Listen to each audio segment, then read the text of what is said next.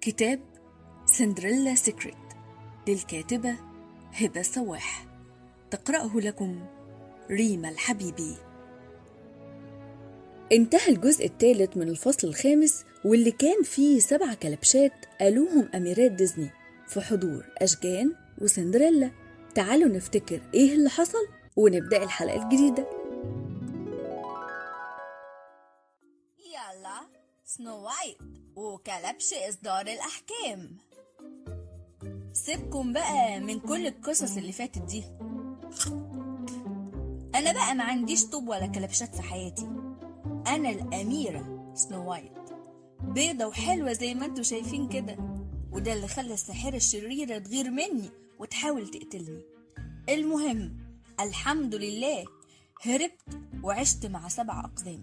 ومش مهم باقي القصة. المهم إني أنا وأعوذ بالله من كلمة أنا شخصية بتحب الناس جدا.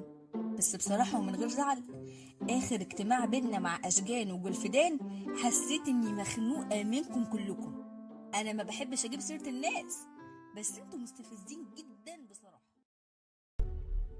ودلوقتي هنبدأ بنقاش الكاتبة هبة السواح في الجزء الجديد من الفصل الخامس وهي الحلقة الرابعة وبعنوان الحرية الحرية من أهم حقوق الإنسان الأساسية واللي بتقوم علشانها حروب وثورات وجمعيات حقوقية ومواثيق دولية ورز بالملوخية طيب يعني إيه حرية؟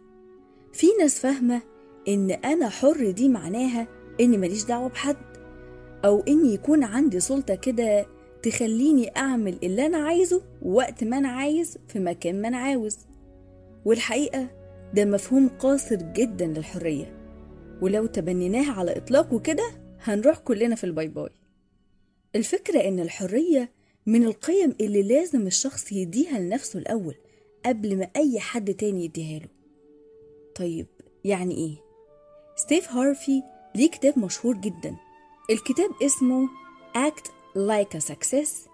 Think Like a Success. ضرب مثل لطيف قوي بالبرغوث لو جبتي برغوث أو اتنين وحطيتيهم في برطمان وقفلتي الغطا هتلاقي البراغيث دي بتنط لحد يدوب قبل الغطا بشوية وتروح نازلة تاني بسرعة. طيب هو البرغوث هي دي بس قدرته؟ الحقيقة لأ. البرغوث يقدر ينط أعلى من كده بكتير بس هو خايف يخبط في الغطا. فيا دوب بينط حاجة بسيطة جدا علشان ما يخبطش.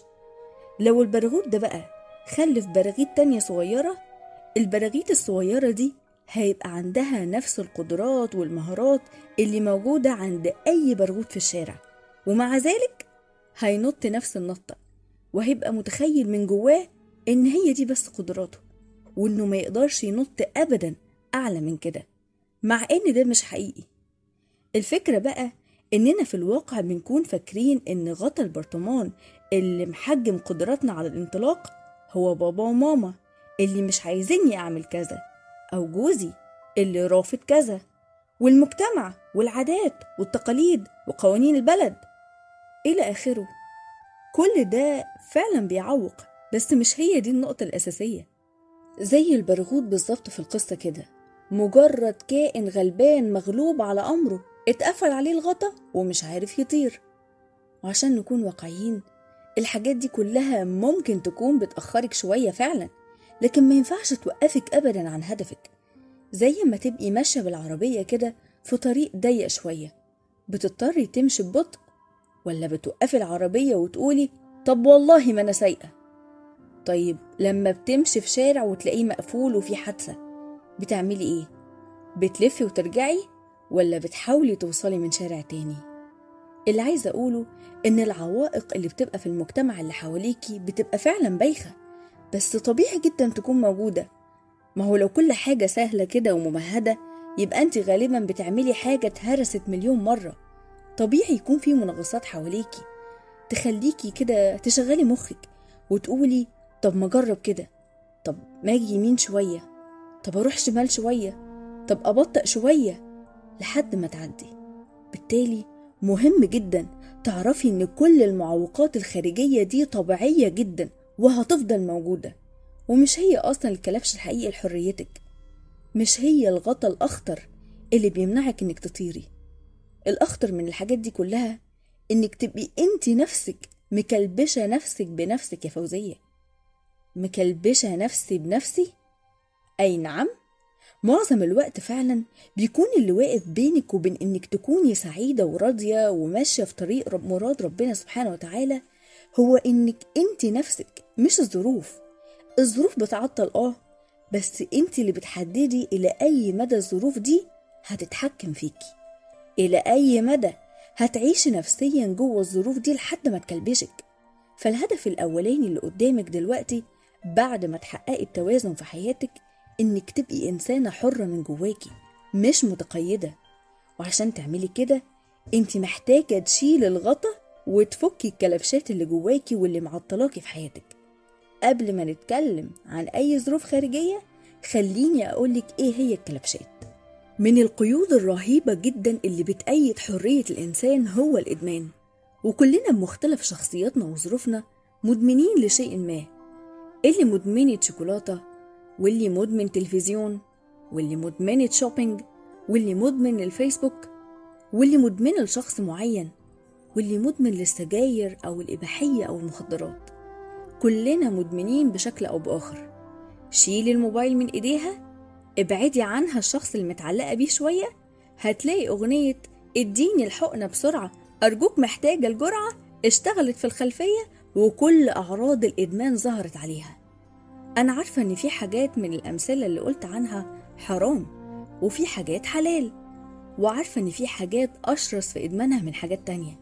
بس في الآخر سواء كانت العصفورة مربوطة بسلسلة ولا بحبل في الحالتين مش هتعرف تطير. الإدمان مشكلته حاجتين. أولا إنه بيخلي الإنسان عبد للحاجة أو للشخص أو للحالة اللي هو مدمنها. إدمان أي حاجة بزيادة بيخليكي مع الوقت تفقدي السيطرة على نفسك وعلى حياتك وبيضعف جدا إرادتك وبالتالي بيضعف شخصيتك. والمشكلة التانية إنك ممكن تتخيلي إن إدمانك للحاجة المعينة دي يعني مثلا للسوشيال ميديا أو للولد اللي بتحبيه هو مجرد إدمان بيأثر على جزء واحد بس من حياتك إنما باقي حياتك كده زي الفل مفيهاش ولا غلطة. وده مش بيحصل. الإدمان الحقيقة عامل زي السرطان كده بيبدأ بعادة واحدة في جانب واحد من حياتك ويفضل ينتشر ويتوغل في دماغك ويأثر على تفكيرك وحريتك وإنتاجيتك في باقي جوانب حياتك كلها. وده بيحصل غصب عنك لأن حياة الإنسان عموما كيان واحد ما ينفعش نجزأه. زي مثلا أي شركة في الدنيا لو قسم التسويق بتاعها باظ مع الوقت الشركة كلها بتقع. التعلق بأي حاجة أكتر من اللازم بيأيد فعلا. وأما تيجي تفكري هتلاقي إن مقصد مهم جدا من مقاصد الدين إنه يخليكي إنسانة حرة. ربنا حطلك نظام معين للتعامل مع الشهوات بتاعتك عشان أنت اللي تسيطري عليها مش هي اللي تسيطر عليكي. عشان يفضل جهاز التحكم في إيديكي مش في إيد الشهوة. عشان ما تتعلقيش بأي حاجة مهما كانت حلال أكتر من اللزوم.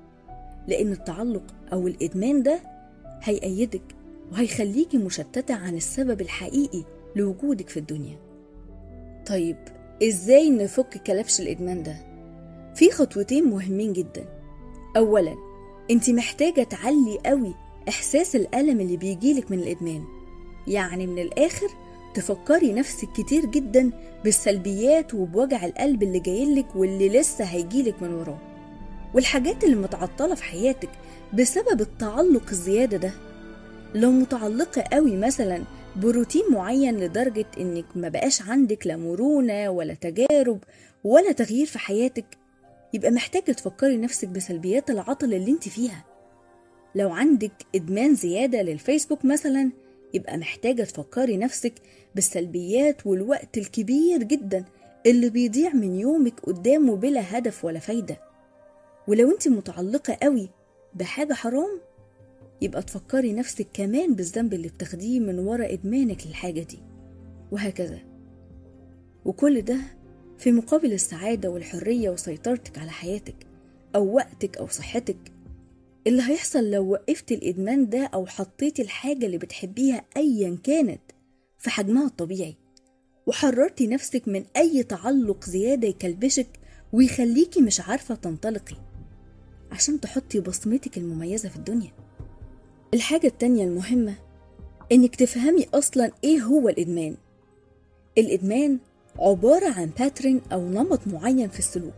سلوك معين كررتيه كتير وكان بيخليك تحس بمشاعر حلوة في الأول بس مع تكراره اتعلقتي بيه زيادة وفقدت السيطرة عليه وبقى بيأثر سلبيا على حياتك ووقتك. تجربة اتحولت لعادة ومع الوقت أدمنتيها. بالتالي الخطوة التانية في الحل إنك لما تشيلي العادة الغلط تحطي على طول مكانها عادة تانية إيجابية تساعدك تبقي أحسن وتكون متماشية مع خطتك اللي انت حطاها لحياتك. يعني تزاحمي الإدمان وتملي الوقت والتفكير اللي هيفضى بعادة كويسة. زي اللي قلل ساعات التلفزيون على طول حط مكانها الرياضة. واللي شغلت نفسها بأنشطة جديدة تساعدها في حياتها عشان تبطل تبقى متعلقة زيادة عن اللزوم بجوزها ومحورة حياتها كلها حواليه. الخلاصة. عشان تتخلصي من الإدمان كفكرة بتقيدك في حياتك انت محتاجة تفهمي بشكل عام إن أساس الحرية هي السيطرة على نفسك أو self mastery يعني تبقي انت اللي مسيطرة على شهواتك على عاداتك على غضبك ومشاعرك. مش هي اللي مسيطرة عليك وبتمشيكي. ما تبقيش عبد أبدا لأي حاجة ولا أي حد. ما تبقيش عبد غير لله.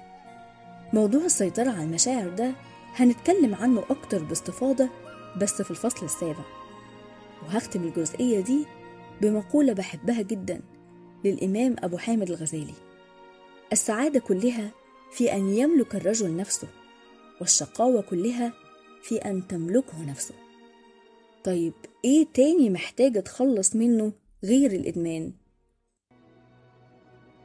وبكده أكون خلصت الجزء الرابع من الفصل الخامس وبقينا كده جزئين بس وهما أطول جزئين في الفصل الخامس وفيهم تفاصيل كتيرة جدا وحلول لكل الكلبشات اللي اتكلمت عنهم أميرات ديزني استنوا الحلقة الجاية الجمعة الجاية